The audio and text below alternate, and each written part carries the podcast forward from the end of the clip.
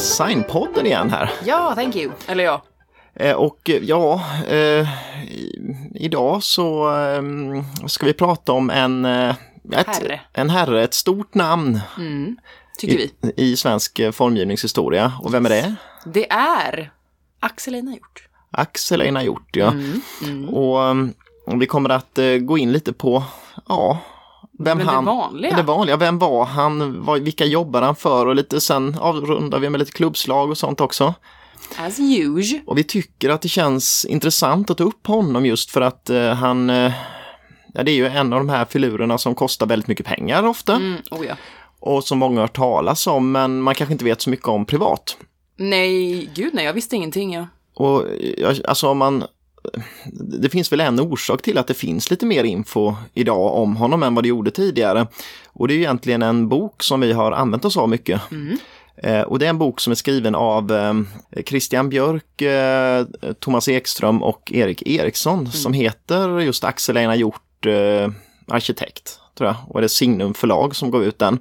Och den gjorde att, att man helt plötsligt fick upp ögonen och man fick veta betydligt mer om Axel Einar Hjort. Mm, lite sån här helhetsbild. Ja, Jag tror att han var så helt glömd egentligen och sen så nu får man, ja nu, nu finns det mer info plötsligt om honom. Och det är en bok som vi verkligen skarpt kan rekommendera till alla. Yeah. Ja, och eh, ja, det här är alltså Designpodden och vi som eh, pratar heter Sanna och Andreas och vi kastar väl oss in i eh, veckans avsnitt. That we do.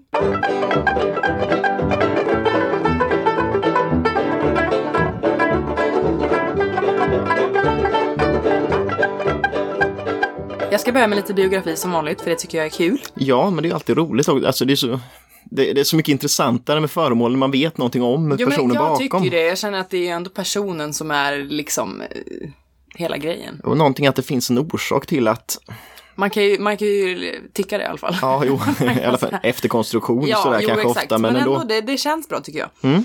Så då, alltså det finns ju ganska lite info om honom som privatperson Mm. just. Men eh, det är ju mest för att han inte fick några barn. Mm, precis, det var ingen som direkt har fört vidare hans Nej, arv. precis. Liksom. Det är ingen som har haft så mycket att säga Nej. om honom i, i efterhand så att säga. Men, eh, eller ja, till och med i NKs arkiv på, på ritningar så finns det inte så många med just hans signatur på. Nej, Så han är ju väldigt eh, anonym då på något Ja, sätt. men och- anonym är ett bra ord. Och det finns inte så mycket fotografier heller. Nej. Och han var ju inte med i dåtidens debatt alls. Han höll sig verkligen utanför allting. Mm, och kommer lite sådär, det kommer vi in på varför, men han var väl liksom inte med i den här, liksom, eh, han passade inte in i designdebatten riktigt. Nej, han tyckte väl inte det. Men i alla fall, det är ju därför. Men jag tyckte ändå att den här boken var ju proppfull med bra info. Ja, absolut. De Så har att, gjort ett eh, hästjobb där. Ja, jävlar. I alla fall då så föddes han den 7 mars 1888 Mm. i Krokeks församling utanför Norrköping. Ja, just det. Krokek. Det var ganska svårt att, att, läsa. Ja, Skitsamma. Han eh, växte upp under väldigt enkla förhållanden som man Mm. kan tänka sig i slutet av 1800-tal. Det var då kring eh, Kolmårdens marmorbruk. ja, Och det hade hans släkt hållit på med i många generationer. ja. Hans mamma, Klara Matilda, var bara 20 år gammal och ogift faktiskt. Och det var ju inte pop. Nej, det var väl inte något som uppskattades av kyrkan och sådär på den Mm, tiden. Nej, så att eh, ja, det var som det var med det. Och hans pappa är okänd. Mm. I alla fall så bestämde sig eh, Klara Matilda att ta med Axel Einar till Norrköping istället. Ja, inte storstan där. Ja, och där arbetade hon som eh, piga, hushållerska och kokerska Mm. om vartannat. De flyttade väldigt ofta. Mm. Men eh, år 1900 så tvingades hon faktiskt att lämna sin 12-åriga son till eh, fosterhem. Mm. Och det förändrar hans liv då ganska drastiskt kan man säga. Ja. Hans eh, nya pappa Mm. Eh, var Norrköpings fängelsedisponent. Okej, så det är det överklass plötsligt här när kommer in i. Precis, Ja. det är helt annat. alltså det var ju bra tänkte jag säga, det var ju elakt men ja. Jo, men han, det måste varit en helt ny värld för honom. Mhm.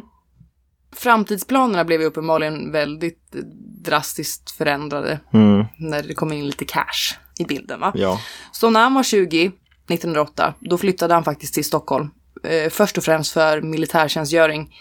Men också för studier på högre konstindustriella skolan numera. Konstfack och det Ja. återkommer, alltså det är väl i alla fall 99 procent av alla vi kommer prata om har väl haft någonting med eh, denna utbildning att göra. Ja, alltså det är ju Konstfack eller eh, KTH på något sätt. Mm. Fan om alla jag har snackat om. Ja, det var Yngve Ekström där som inte hade någon utbildning överhuvudtaget. Ja, annars var det alla Ja, har haft någonting så. med det att göra. Ja, det är ju ganska liknande just utbildningen. Absolut. Och det var faktiskt 1907, året innan, Mm. som eh, HKS, som man eh, förkortar det, Mm. för första gången erbjöd en eh, utbildning för just möbelarkitekt. Innan fanns inte det Mm. Nej. som ens yrke. Nej, Liksom. nej.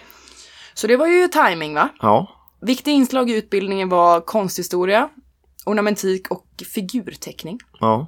Han studerade där i två år och han tog ingen examen. Han tog ingen examen. Vet inte varför, Nej. men det gjorde han inte.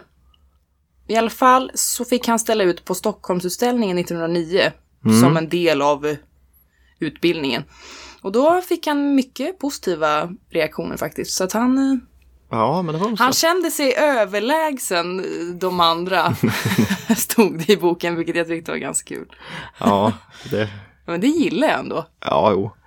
1910 Ja. så dog hans eh, fosterpappa. Okej. Och han var ju den som har bidragit ekonomiskt Mm, det är klart. till det mesta. Mm. Så det var ju inte så bra, för han efterlämnade sig inget arv till Axel Einar. Nähä. Så då var han tvungen att börja försörja sig. Mm. Och det är ju mindre kul. Jo, men det kan ju vara jobbigt. Vad gjorde han då? då? Hade han någon... eh, Ja, det han gjorde då, när man började jobba på olika möbelfirmor, Ja. det var ju antagligen därför han inte tog examen. Det stod inte rent ut Nej, men sannolikt liksom, är det men- då alltså att han hade inte råd längre att plugga vidare. Nej. Det var Så inga studiemedel direkt på, på den tiden. Så, utan... Nej. Han började jobba på ett ställe, eller lite olika, Mm. men eh, ett som köptes upp av Nordiska kompaniet. Mm. Så det var ju så han fick jobb där första gången. Ja, just det, så att han liksom kom in där på, på det, om man säger Ja, via... han gled in. Och det var en lite kortare anställning, men i alla fall. Mm. En, liksom, once you're in så är det ju bra. Lättare nästa gång där sen. Precis. Och eh, samtidigt ungefär så startade han ett samarbete med Stockholms stads hantverksförening. Som också återkommer egentligen hela tiden. Ja, Här. det bör vi ju göra ett avsnitt om. Jo, jag tror att det är verkligen på sin plats. Verkligen. Och i alla fall så gjorde de hans möbler i ett decennium ungefär. Så det är ju lång tid. Ja, det är klart. Han drev också ett eget eh, möbelarkitektkontor. Och sen, och så får han anställning på NK 1929, eller 27 menar jag. Ja, Du ska ju dra lite om det, så jag går inte in mer på det, nej, vad han gjorde. vi kan återkomma till det sen. Precis. 1914 så gifter han sig Mm. med en Gunilla Westberg. Okej, Och de var gifta hela livet. okej, så de... De flyttade runt en del i och med att ekonomin ja, var upp och ner. Ja, jo, men det är klart man, var ja, turbulenta år där med första världskriget och det var grejer som hände och sådär. Precis, först bodde de i en lägenhet på Tunnelgatan, sen en villa i Enebyberg utanför stan. Mm. Stockholm snackar vi om alltså. De planerar ju att eh, skaffa barn. Mm. Men det blir det, aldrig så? nej, det gick inte Nej. faktiskt. Av någon anledning. Och i slutet på 20-talet så flyttar de tillbaka till stan, en eh, paradvåning på Sveavägen. Ja, det är så då, klart. då var det cashflow. Ja, men det var då han var på höjden av sin karriär. Liksom. Ja, jävla trevligt i alla fall. Han hade en gudson som har beskrivit honom lite. Mm. Som eh, en skojfrisk, men ändå som tog arbetet på största allvar verkligen. Ja, Och en kollega på NK beskrev honom som sträng men rar. okej. Det är ju inte helt fel. Nej. Det är fan ganska optimalt Ja. ändå. Som sagt, karriären gick lite upp och ner. Och i slutet av 40-talet, då var han tvungen att ta jobb på AB Svenska Kontorsmöbelindustri. Ja, exakt. och det är ju så, så kul som det låter. Exakt. De tillverkade helt enkelt enklare Kontorsmöbler, vi återkommer till det sen mot, Precis. liksom i hans Ja. liksom, yrkes... Så det är liksom där det Tar slut. tar slut Ja. karriärmässigt. Och hustrun avlider 1958. Mm. Då har de varit gifta i 44 år. Ja. Det är ett tag. Ja. Året efter dog Axel Einar av sjukdom. ja, någonting. Vi har väl inte riktigt kommit fram till vad Nej, han men dog det av. verkar ha gått snabbt. Ja. Men ja, efter hans död så framkommer det faktiskt att hans mamma fick en till son. Jaha, Vilket är lite spännande. ja, ja absolut. Som har döpt till Edvin Allan. Väldigt schyssta dubbelnamn. Edvin Allan. Edvin Allan och Axel Einar, det är inte jättebra namn, får man säga så? Ja. Edvin Allan i alla fall, han hamnade direkt på, på fosterhem. Okej, Och ja, han var okänd för Axel Einar hela hans liv. okej, så de hade ingen kontakt Nej, gud, överhuvudtaget? han visste inte ens om att han fanns. Nej. Så det är lite sorgligt. Mm. Men han fick inte heller några barn. Nej, så då, det, det blev liksom ingenting Nej, mer av den eh, gjort, delen av släkten. Så så var det med det. Ja, Lite deppigt, men sant. ja.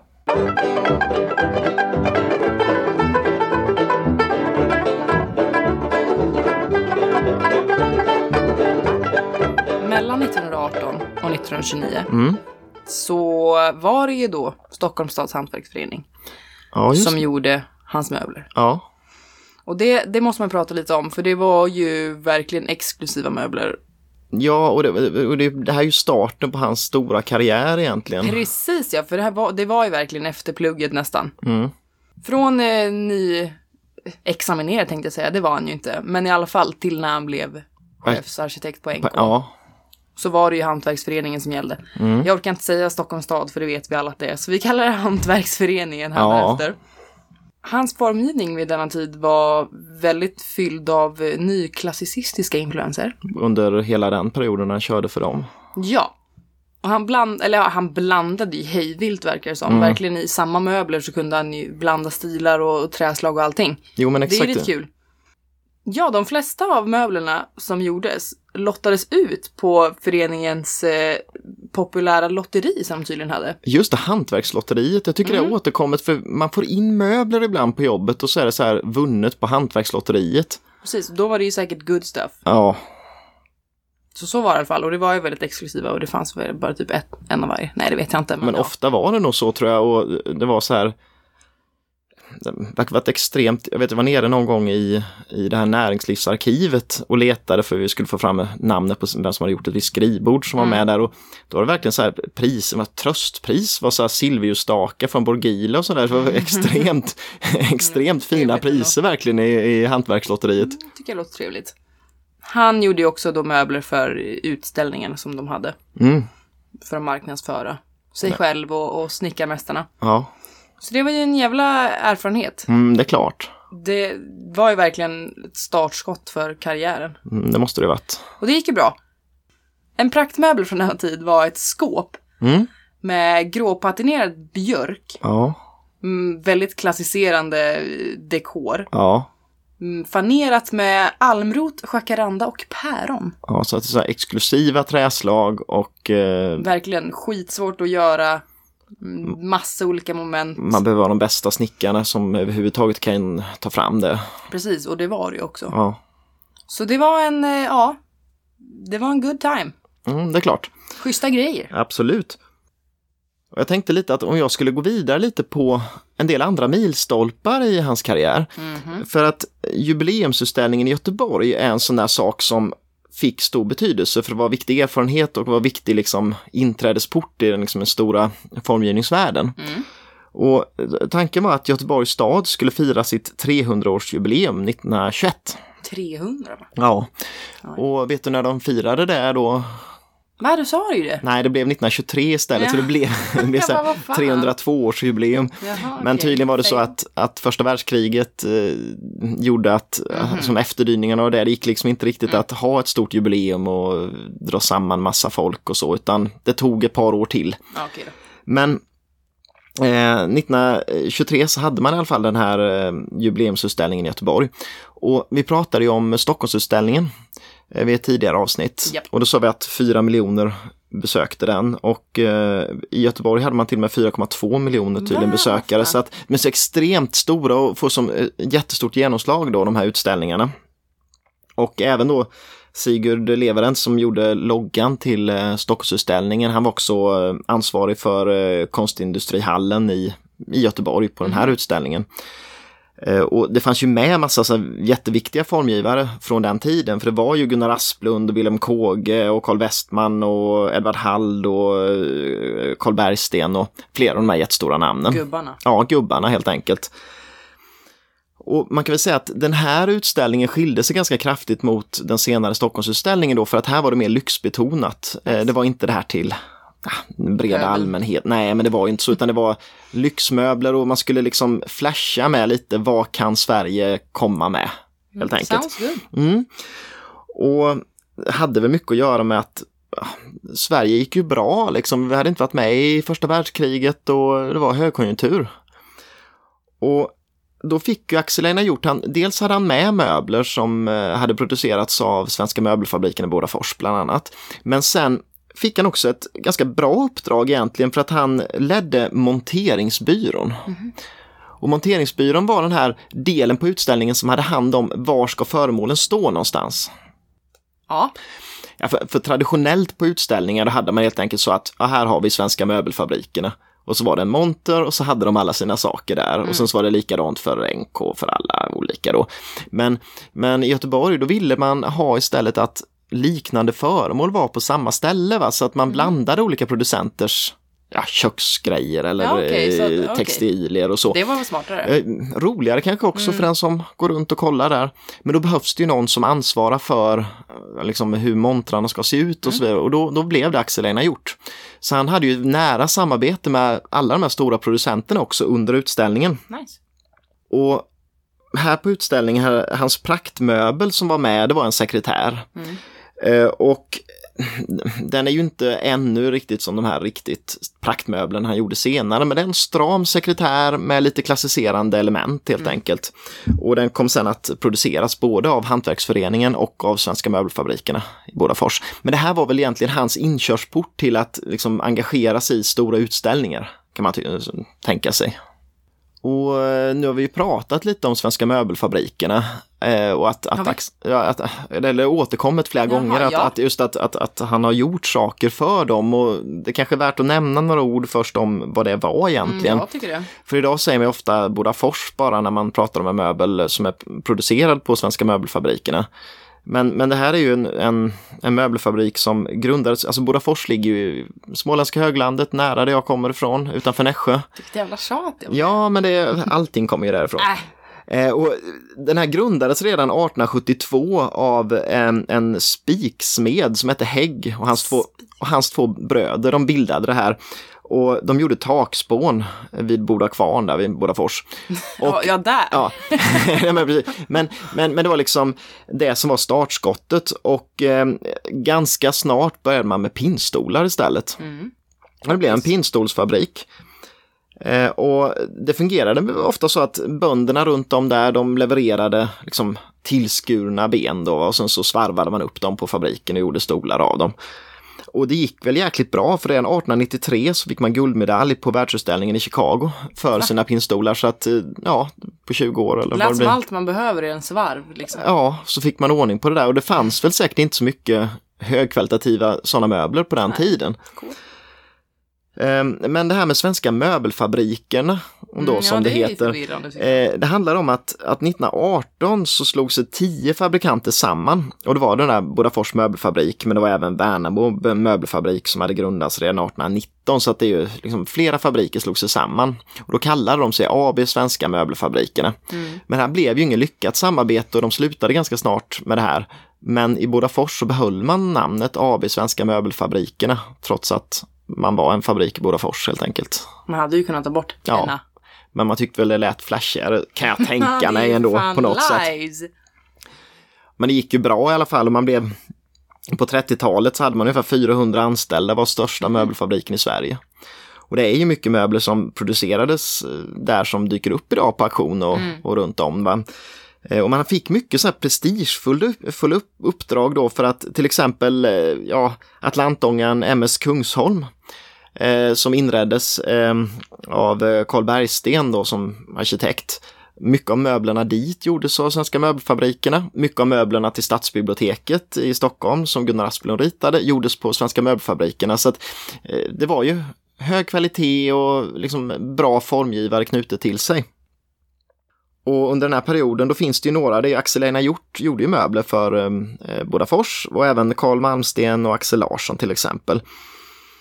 Och det, det, är väl relevant just för att eh, de hade ett ritkontor i Stockholm som tydligen, de köpte något som hette C.E. Jonsson då som Axel Einar Hjort tydligen jobbade för i Stockholm. Gillar du säger hela Axel Einar Hjort varje gång? Ja, men det låter väl... Vi vet att det är det. Men det är likadant som man säger. Jag gillar att säga Axel Einar för det låter mycket bonigare Ja. så. Men det är som man säger liksom, eh, Jag förstår du tycker att han heter ja, hela. han heter hela. Tänk att det var jobbigt bara, men continue. Ja. Och, nej men i alla fall, liksom, så att det är väl det, det är väl hans ingång i, i Bodafors känns det som liksom. Och det han gör för Bodafors under den här perioden, det, präglas ju mycket av det du beskrev för Svenska Hantverksföreningen också, för det är ju liksom viss form av modernism, men sen så är det mycket barock till exempel Ja, i det. precis. Mycket lejontassar, eh, ornament som är skurna, eh, liksom eh, urnor, ja, med sån Mm, där ornament på det. Så det är ju gammaldags stilmöbler med en modern touch, kan man väl säga. Ja, det tycker jag är Mm. en bra beskrivning.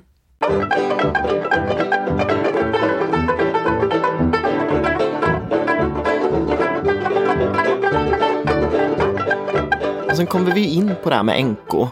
Precis, och det är ju det man vet om honom tycker jag. Ja, men det är väl det man förknippar liksom helt och hållet med eh, idag. Ja, oh ja. Eh, och det var i oktober 1927. Då skulle, skulle han snart fylla 40 år och det är då han blir anställd som chefsarkitekt på, på NKs eh, ritkontor. Och han hade ju då, precis som du sa, där eh, på, på 19, 1920 hade han jobbat, men bara några månader egentligen eh, på NK under Carl Bergsten då. Va? Men, Precis. men grejen är att flera av de som jobbade då var sådana han blev eh, chef för sen, så att det måste bli en sån här liten känslig situation där. Mhm. Ehm, hur som helst, så att grejen är väl lite att NK under 20-talet, de hade producerat mycket stilmöbler. Mm. Hade ju inte hängt med i den här moderna trenden. Och det man ser idag av det som är tidigt NK, det är ju just här klassiska stilmöbler bara. Och förmodligen vill man ju förnya sig på något sätt och det är därför Axel Einar Hjort blir anställd egentligen som arkitekt där. Och eh, förutom att rita liksom möbler för, bara för det egna, liksom, bara för NKs liksom seriemöbler och sånt så det, det görs ju mycket inredningsprojekt både till privata bostäder, våningar i Stockholm och till offentlig miljö. Och några man kan nämna där är Tössebageriet i Stockholm. Ja. Eh, Det är Café Corso som var kaféet på stadsbiblioteket.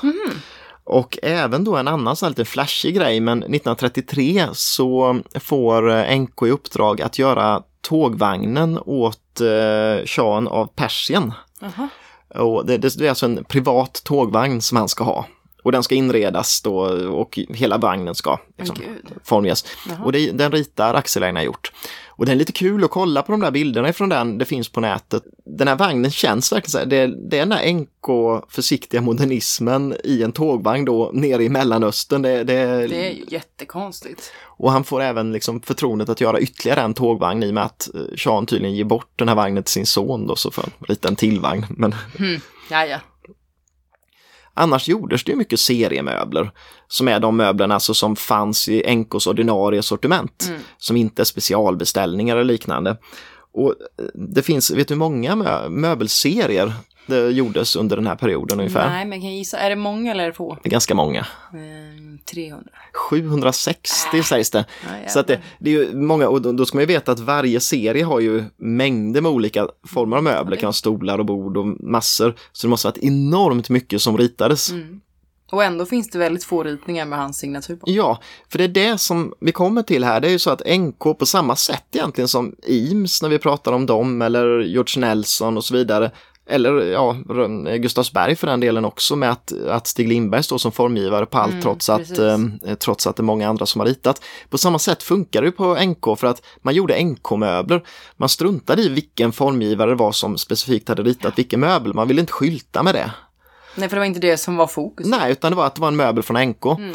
Och det är därför det är svårt att veta. Det finns ett undantag och det är tydligen det som Carl Malmsten ritade så är det ofta märkt CM de ritningarna. Jaså. Men annars är det väldigt svårt att veta. han jävligt liksom Ja, förmodligen var han, ja, förmodligen ritade han, skrev han bara dit det på dem trots att Ja, jo, kanske. Eh, Och idag vet ju många kanske, men det kan också vara vär- värt att nämna att NKs kundliggare, alltså den listan på alla möbler som de producerade, eh, finns offentlig på nätet. Så man kan söka bara på NK kundliggare så kommer den upp. Och då, Kundliggare. ja, och det, det är liksom deras register helt enkelt över möbelmodellerna. Och då kan man söka, för om man har en möbel från NK från 20, 30, 40-talet, då står det ju ett nummer på en metallbricka på den.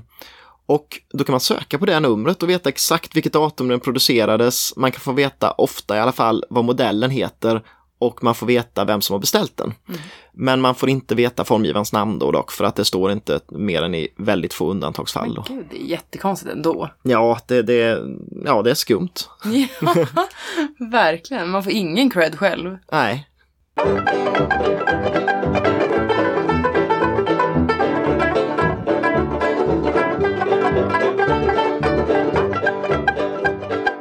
Eh, tänkte gå vidare lite på utställningarna. Ja. Eh, och då kommer det ju en till stor utställning 1929 i Barcelona, en världsutställning. Och den här kommer lite i skymundan kan man väl säga i Sverige. Och vad tror du det beror på? Ja, men det är ju 1930 håller man ju Stockholmsutställningen. Ja, Och då ja, är- Ja, det. men då är, eh, om man säger, svenska, eller Hantverksföreningen är ju så inriktade Mm. på den här att de bryr sig inte så mycket om den här eh, världsutställningen i Barcelona. Och, men ändå blir ju det här Axel Einar Hjorts stora, eller liksom största riktiga uppdrag, alltså där han får ansvara för en utställning. Just det. Eh, och eh, NK hade då en tvådelad hall på 300 kvadratmeter. Eh, och det var ju ett jättestort projekt. Och eh, tydligen var det så att man producerade mycket liksom, av den här hallen i Sverige. För man hade hört så illa om de eh, liksom, spanska hantverkarna. Nej. Så man byggde till och med väggar och golv och sånt Men i Nyköping. jobb. Och sen transporterade ner till Barcelona. Gosh. Och här är det återigen då, de möbler som Axel Einar Hjort gör för den här utställningen, de har inte någon likhet med liksom det här som man ville förmedla under Stockholmsutställningen, utan här är det exklusiva möbler som skulle flasha med liksom det, på något sätt, det var, det var liksom inga seriemöbler och heller ingenting som någon kunde köpa, för de Nej, fanns ju nej. inte utan det var de exemplaren. Men NK vill väl visa att så här bra hantverkare har vi Mm. och så här bra arkitekter har vi. Eh, Så det var lite det som var tanken och där var det återigen det ädelträ och, och liksom eh, ädelmetaller och någon art deco, geometrisk med antikviserande dekorelement och så vidare. Så det var ju inte den här modernismen som, eh, som visades sen i Stockholm. Men det är kanske det därför också att han inte minns eller kommer sig ihåg så mycket. Ja, men jag tror det, för att det uppskattades nog inte sådär Precis, han var väldigt... inte i tiden. Och väldigt mycket inte socialdemokrat och så väldigt mycket inte folkhemmet. Så jag tror att det ändå Precis. spelade in väldigt mycket. Ja, fan det tror jag. Och två möbler som är värda att nämna där, eller möbler, det, det är ett praktskåp som gjordes. ehm, som kallades Louise och Louis. Louis. Nej, det är för fan, det är French. Det var ju Barcelona. Ja, jag vet inte tusen. Ja. I alla fall. Men det är just det här, det här skåpet, det är ju Benen är ju stål. Det är nog det du, frågan är om det är det du pratade om här tidigare. Ehm, var det kanske? det var nog det som såldes väldigt, väldigt dyrt på auktion sen eh, långt senare. Det. Men här är ju ett, som ett art deco-skåp egentligen med lite ampirformer. Alltså Nej, jag det, undrar om inte jag nämnde något liknande. För det var ju väldigt Mm. liknande då under den hantverksföreningstiden. ja, hur som helst, alltså, det är den typen av möbler han gör. Mm. Och även en möbelserie som heter Caesar som också så här skuren dekor och eh, mytologiska eh, varelser i, i ornamentiken och så. Va? Så att det är den här, på något sätt, liksom i Sverige hade man en annan approach på modernismen medan internationellt om man ser ner till eh, Frankrike till exempel och så vidare, då såg det mer ut så här. Va? Så att internationellt så blev det här jätte eh, mottaget. Mm. Men i Sverige så blev det liksom en bisats i eh, slöjdföreningens tidning och sen så blev det inte mycket mer. Nej. Tyvärr. Och sen då året efter så kom ju Stockholmsutställningen. Och det är då, som vi var inne på i avsnittet om modernismen då i Sverige eller funktionalismen, eh, där ville man ju på något sätt marknadsföra socialpolitiskt projekt men det Ja. var ju inte alls Axel Einar gjort inne på. Och han fortsätter ju med det här med liksom, dyra träslag och ädelmetaller och eh, allt det där. Då, va? Och, Strongt att gå emot Ja. så också. Och tydligen är det så till och med för att NK har ju en villa med på Stockholmsutställningen. Men den villan fick inte vara med i det här generellt bostadspolitiska programmet som fanns på utställningen. Mm. för att den var för stor. Det var Carl Bergsten som har ritat villan men den var för stor. Den, var, den ansågs inte vara, det skulle inte vara de här det var istället lite överflöd som visades vulgärt. där. Ja, vulgärt. Man kallade det dekadan, dekadens, lyx och flärd och det var inte som välkommet. Dåligt. Ja, det var inte välkommet. Amazing. Um, och eh, på något sätt ville man återigen där liksom så trycka på NKs yrkesskicklighet och det var tydligt att NK fortfarande då egentligen huvudsak vände sig till liksom en, en rik eh, stadspublik som mm. borgarklass i stan som hade råd att köpa väldigt exklusivt. Och de kände väl också lite också att den här borgarklassen i stan hade fått en sån här modern smak men ville fortfarande ha representationsvåningar liksom som såg lite exklusiva ut. Ja, funkis ser inte så dyrt ut. Nej, och då ville de ha det här lite modernt men ändå att det dröjde sig kvar av 1800-talet, det här extravaganta. Mm. Och det var det de fick via NKs möbler då under den perioden. Så det är en snäv kundkrets. Extremt snävt. Och eh, ja, det är väl det vi lite vi kan se snart här vad som händer egentligen. Oh. Men innan vi lämnar NK och eh, Axel Einar Hjort så är det något man måste nämna tycker jag. Mm. Och det är vilken typ av möbler är det många som tänker på tror du när man säger Axel Einar Hjort? Den jävla sportstugeskiten. Exakt. Hans furumöbler, mm. sportstugemöblerna. Ehm, och det beror väl på att de skiljer sig ganska mycket från allt annat som gjordes under den här perioden. Um, det är ju mer funkis över dem. Exakt, det är det. För att om man tänker då, under den här perioden då gjorde NK exklusiva, dyra möbler i dyra träslag med ädelmetaller och de bästa snickarmästarna. Men sen hade det hänt något politiskt då i Sverige då att semestern var lagstadgad. Alla skulle ha semester och då var det fler som kunde skaffa sig fritidshus. Mm. Och då tänkte NK att ja, vi gör en sportstugeserie. Måste det vara furu? ja, det är ju det. 1929 i alla fall presenterade man de första möblerna. Eh, och Ja, det, det, blir mer avskalat enkelt. Mm. Eh, materialet är furu i huvudsak. Det finns vissa möbler som är i eh, ek, mm. som är då en lyxvariant av de andra sportstugemöblerna.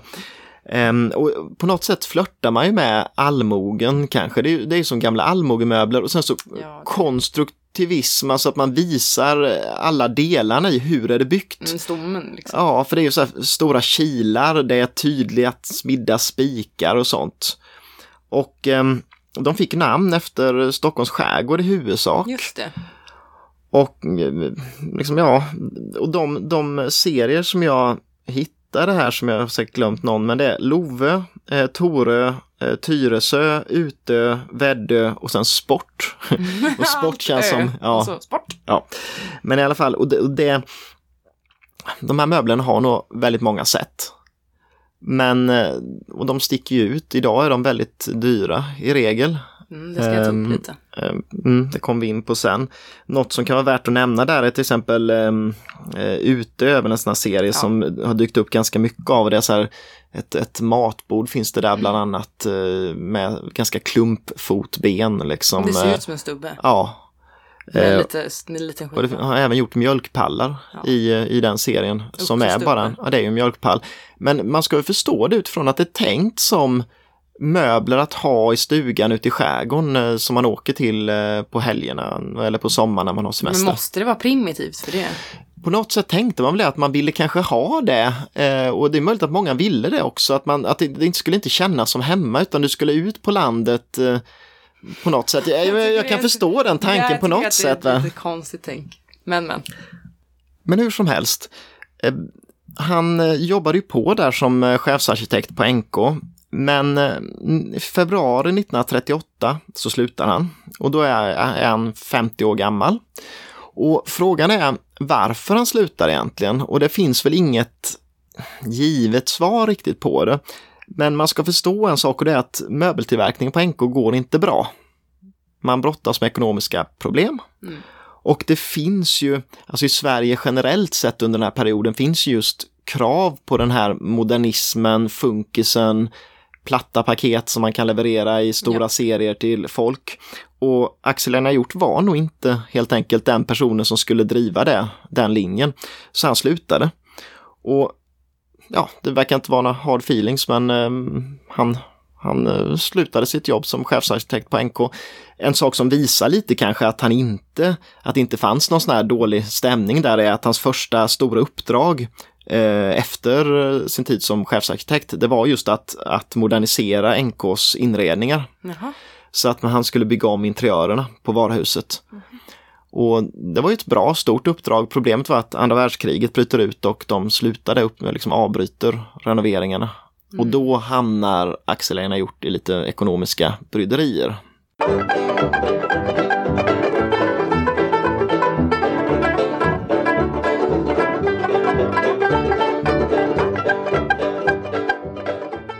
Men han, han öppnar en butik på Kungsgatan i Stockholm. Och tanken var att dra med sig lite av sina tidigare kunder, de här som vill ha de dyra exklusiva möblerna. Och det är också sådana möbler han fortsätter producera. Ja. Eh, Men det är väl också ett problem där med att, att det är krigstid och ekonomin går inte på högvarv. Så det är nog en orsak till att beställningarna blir inte sådär väldigt många. Och sen händer någonting också. Det är att det är världsutställningen i New York 1939. Och då blir Axel Hjort inbjuden att få vara med där med sina möbler. Och det låter ju jättebra va? Oh, ja.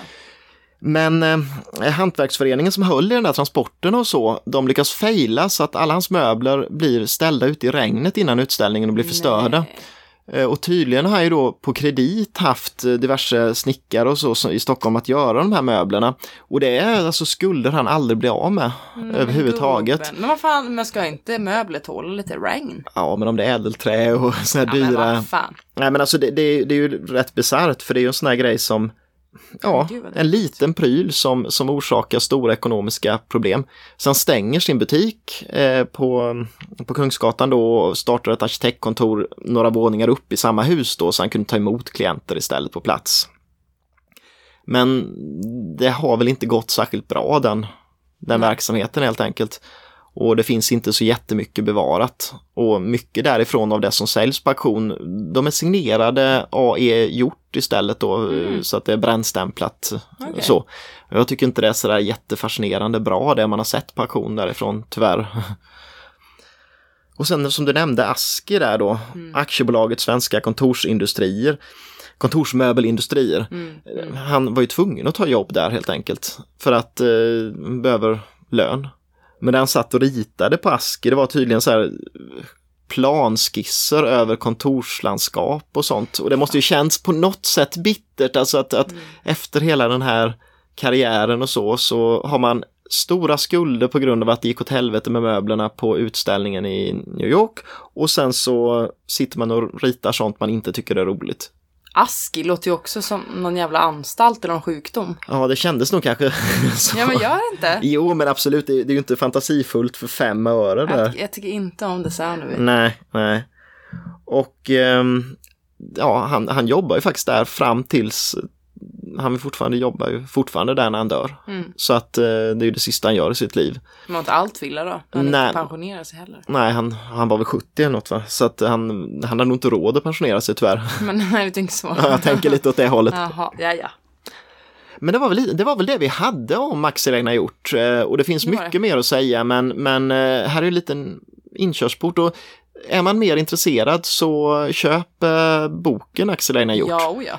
För där i, om inte annat så finns det ju extremt mycket kul eh, illustrationer. Bilder. Ja, alla möbler som finns på bild, både nya och gamla bilder, jätteskoj. Få bilder på honom själv också. Bara det tyckte jag var kul eftersom man inte har sett något Det finns typ, finns typ tre bilder på honom. Han ser något lite som man läskig ut. Ja, Ser väl, väldigt barsk ut. men lite som så här pilsnergubbe. Ja, det är något pilsnerigt över det. I alla fall, det var Ja, det. men det vi hade och vi kastar oss in på lite klubbslag va? Det måste vi alltid göra, för det tycker jag är roligast.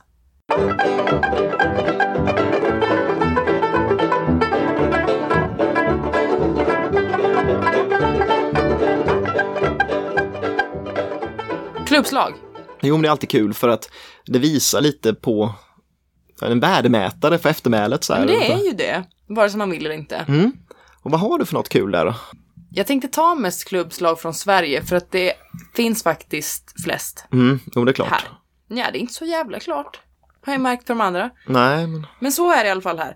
Och de dyraste, nej inte de dyraste, men det som det finns flest av med jämnast högre klubbslag är ju de här jävla sportstugemöblerna. ja, furumöblerna som är groa i allmogestil, liksom med moderna det finns inslag. ju hur många klubbslag som helst på över 100 000. Ja, Det är ju synd. men, ja, men jag tycker gillar de är inte så jävla fula. Nej, I hate them. Men vad, vad, vad har du för något eh, som känns som det generellt sett går bäst där då? Ja, det är ju faktiskt det där bordet. Mm, Ute. mm, Det är också oftast, inte oftast, men det, man ser det ju jävligt ofta. mm, Och det brukar ha ett utrop på ungefär 60 till 80 000. mm. Och just det här som jag tog exemplet, jag tar alltid de dyraste dock. Jo, jo, men- det gick för 112 000. Ja, Och det är inte ett stort bord heller. Nej, det finns ju lite olika varianter av det. Det finns både som biblioteksbord och matbord och, och sådär. Men ändå. Och ja, det är väl kanske det bästa i uteserien ändå. Man måste välja. Ja. Sen ett skåp eh, från eh, Lovö-serien. Mm. Är ju typ. Det är träribbor va, Ja. nästan kan man säga, eller fururibbor då. Lite som en sån här panelvägg kan man få Mm, sån ja, känsla av. Ja, det ja, det Och så smidda spikar Mm. I dekor. 60 till 80 utrop där också ungefär. Mm. Klubbslag 165 på det exemplet jag hittade. Det är aningen mer. Mm. Dubbelt. Det, det är mycket. Det är ju ändå bara det som du beskrev. Alltså jag kan inte se värdet i de där fururibborna. Nej, Men det här handlar inte om mina åsikter. Nej, men, men jag tänker ändå så här, om man ska ge någon försvar till det så är det att det här är ju 1929 och sen fram till, ja vad det, 38 då när han slutar. Det är ju tidigt eh, att det ser ut så här ändå. För att, att det här att man modern... Jo. Ja, det finns ju inte många exempel i världen där man har den här typen, Jean Royer och några till, liksom fransmännen och så. Några har ju gjort den här typen av möbler. Charlotte Perrin har gjort en pall också som är lite så här mjölkpallsstuk på, men senare. Så att det, det är väl liksom... Jag tror det är kontrasterna Ja. som gör att jag hatar det mest. Mm. Att jag vet ju hur bra jävla grejer han gjorde. Mm. Och så det här. För kvalitetsmässigt så är det ju uppenbarligen inte ens nästan samma sak. Nej, och det sägs också för att tydligen, jag såg något när jag skummade igenom någonstans i någon av böckerna, att, att vissa av, mycket av möblerna är ju märkta med NK med NK-bricka fortfarande, men vissa inte det och det berodde på att det var inte ens NK som tillverkade vissa Nej, av dem okej. utan det fanns någon furusnickeri någonstans som gjorde mycket av, av just eh, de här eh, sportstugemöblerna. Så det är en annan typ av tillverkning. Ja. Inte helt lätt att tillverka det ändå. Alltså, Nej, det ska jag väl inte säga, men det ser ju ut som något någon har suttit hemma och... Men tanken är väl det att det ska fram. kännas som en sån här primitiv allmogemöbel. Men hade det någonting med att göra att det där lite... Att funkis ju också var en sund livsstil Mm. på något sätt. Och att, att kanske återigen lite där, på samma sätt som det där med nationalromantiken, att man längtade tillbaks till det gamla, så var det också kanske den här borgarklassen i staden som bodde liksom och jobbade sina timmar på, på kontoret, att de då skulle kunna längta tillbaks till det här ute på landet och då ville man ha det här allmogen, det här enkla. Jag, jag tror på något sätt att det hänger på det. Men att det går så bra nu tycker jag ändå är chockerande. Ja. Jag har inte sett det i någons hem eller någon interiör, typ ever. Nej, det är att internationellt är det också extremt höga priser på gallerier och så på det så att ja. Nu handlar inte det här om mina åsikter. Nej. Hittade jag också ett eh, bord Jaha. som heter Mora. Det var inte från den eh, sportstuge... Nej, hur ser det, eller vad är det för typ av bord då? Ja, alltså det var ju ändå lite likt de här eh, primitiva. Ja. Men benen är lite mer... Lite såhär kannelyr i. Heter Ja, det okej. kannelyr även i... Ja, men I lite så. möbler. Ja, ja. Men det är också bara en enkel skiva och så är det... Du, Det får du googla helt Mm. Ja, enkelt. Och ni andra. ja. Och den, det gjordes i alla fall till Stockholmsutställningen 1930. Mm. Så kan- ja, Och vara med där då. Jag precis. Och då var det ett utrop på 40 till 50 000 på det. mm. Och det klubbades för, med provisioner, säger jag alltid, för Ja, det är roligare. Ja. 392 Mm. 000 spänn. Mm. Och då, ja. Var det något, men kanske ett uni, ja, unikt bord då som var med på utställningen. Jo, Precis, det räknade jag ju med att det var Ja, ganska. och det är klart det blir ju mycket roligare. Och Men ändå, något sätt, någon har ju ändå eh, värderat det till 40-50 000 bara. ja det var lågt då i så fall. Ja, jävla lågt. Ja. Sen då just från eh, Mm, ja, Det är ju inte riktigt samma prisbild på de nej grejerna. det är det ju inte. Om man säger så. Verkligen inte. Nej. Ett skåp där som heter Roma gick för 4 och 2 Mm, på ett ställe. Ett par fåtöljer 19 000 ja. paret. Så det är ju det är ju inte den nivån. Eh, jag skulle inte säga att det är kvalitetsmässigt sämre, men Nej, det kanske hur? inte riktigt det är möjligt att det känns ännu mer stilmöbler över det han Mm, gjorde ja, där. ja. Mm. Och det gör att det inte Oh, riktigt, eh, ja, det blir inte lika attraktivt för marknaden ändå. Jag tycker det är schysst. Ja, Fan, kan, absolut. man, lika- kan man finna något sånt? Det skulle jag gilla. Mm, De där fåtöljerna var skitsnygga. ja, Och också en lite så här klassicerande relief Mm. på. De var ascoola tycker jag. Men då, möblerna från eh, Hantverksföreningen ja, och tiden där eh, kommer ju ganska sällan på auktionen då. mm, om man klart. jämför med att sportstugemöblerna är så många. Och de är ju serieproducerade på ett annat vis ändå. Det finns ju mycket av det, eller mycket, men det, det finns ju betydligt mer i alla fall. Mm. Det här skåpet då som du har snackat om, Mm, Louis, mm, till Barcelona-utställningen. Det har ju sålts på auktion. ja, Jag hittade inte riktigt vad de satte för utrop på det, eller så glömde jag skriva. Ja. Men i alla fall så klubbades det för, det här är den högsta noteringen jag har hittat ja. på något som han har gjort. 1,15 miljoner. Ja, och det är det väl på något sätt värt för att grejen är, ja, men, men det låter dumt men det, det är ju verkligen, om man Ja. tänker då, utställningen 1929, Mm, det är det bästa som Sverige kan frambringa. Ja. Och förmodligen ett av de bästa skåpen som gjorts under 1900-talet. Ja, det måste man påstå. Och det har ju hemma på mm, Nationalmuseum eller något liknande. Nu vet jag inte vilka som köpte Mm. Nej, det. inte De har heller. ju en bra samling av Axel Einar gjort men Har det? om de köpte det eller det vet De jag har ju inte. Men... stängt så länge så jag har fan Ja. ingen koll på vad som Nej. händer där. Också ett skåp, det är skåp Mm. som gäller. Skåpet Paris som gjorde då till, Ja, Paris. till Parisutställningen, så enkelt är det. Ja, 37. ja. Det hade i alla fall ett utrop på 125 till 150 000 ungefär. Mm. Klubbslag 720 000. Ja, så det är också bra. Det är ju klubbslag. bra. Och båda de här är ju på auktion i Sverige va? Ja, ja, Ja. det är fortfarande i Sverige. Mm. Jag har bara ett internationellt Mm. och det tar jag upp nu och det var det dyraste jag hittade.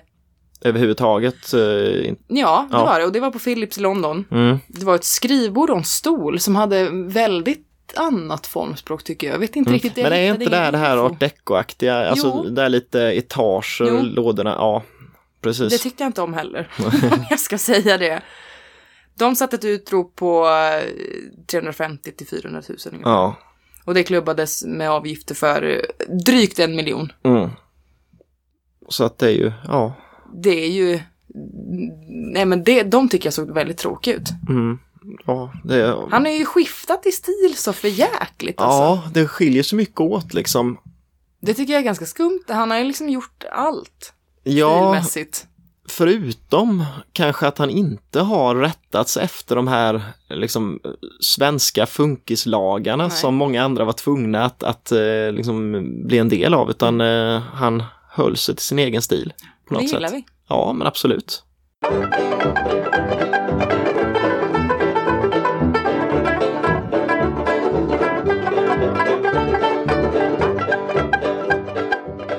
Och med det så ja, då avslutar vi det vi hade om, om Axel gjort. Det tycker Vi jag. brukar köra en liten avslutning och Har vi hade, ja, vi hade ju ingenting idag. Men jag har en grej som jag tänkte bara för att det är en sak jag stör mig på. Ja, okej. Eh, och- Mig? Alltså, nej. jag bara. Eh, men, nej, men, men det, det är en sak jag stör mig på som, som jag tänkte att jag inte skulle behöva ta upp för jag tänkte att det här har vi ju, har det ju liksom slutat att sägas Ja. nu då liksom. Det ehm, låter ju... men, men nu såg jag massa både på auktion och eh, liksom i någon bok jag läste nyligen också, Aha. det här felet. Så att jag, jag tänkte att vi tar upp det så att eh, man inte behöver se det igen. Och det är ju då... Eh, För du i- påverkar allt och alla. Nej, men om man, nej, alltså så här.